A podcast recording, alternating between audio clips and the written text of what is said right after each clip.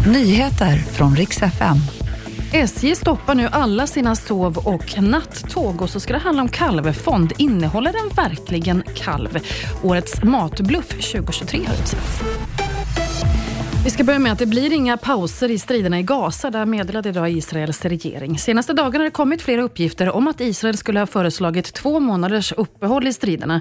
Så blir det alltså inte. Talespersoner för regeringen säger att Israel kommer inte ge upp målet om att förgöra Hamas och få hem alla ur gisslan. Tillbaka till Sverige. Polisen har gjort en stor razzia i Alvesta idag och slagit till mot flera adresser där man beslagtagit ammunition, narkotika och kontanter. Och det här är ett samarbete mellan polisen i Dalarna och Stockholm för att främja den pågående våldsspiralen i landet. SJ spärrar försäljningen av alla sov och nattåg och det här gäller för hela landet. Stoppet gäller fram till den 4 mars och det är för att SJ har så stora underhållsbehov och måste komma ikapp med trasiga vagnar som man får bland annat av viltolyckor och isbildning.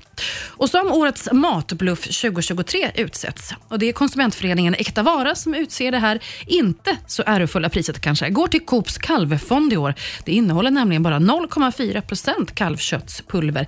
Innehåller faktiskt större del kyckling tävling. Andra finalister i år var till exempel hembakat bröd som inte alls var hembakat och norrländsk dryck som görs i Småland.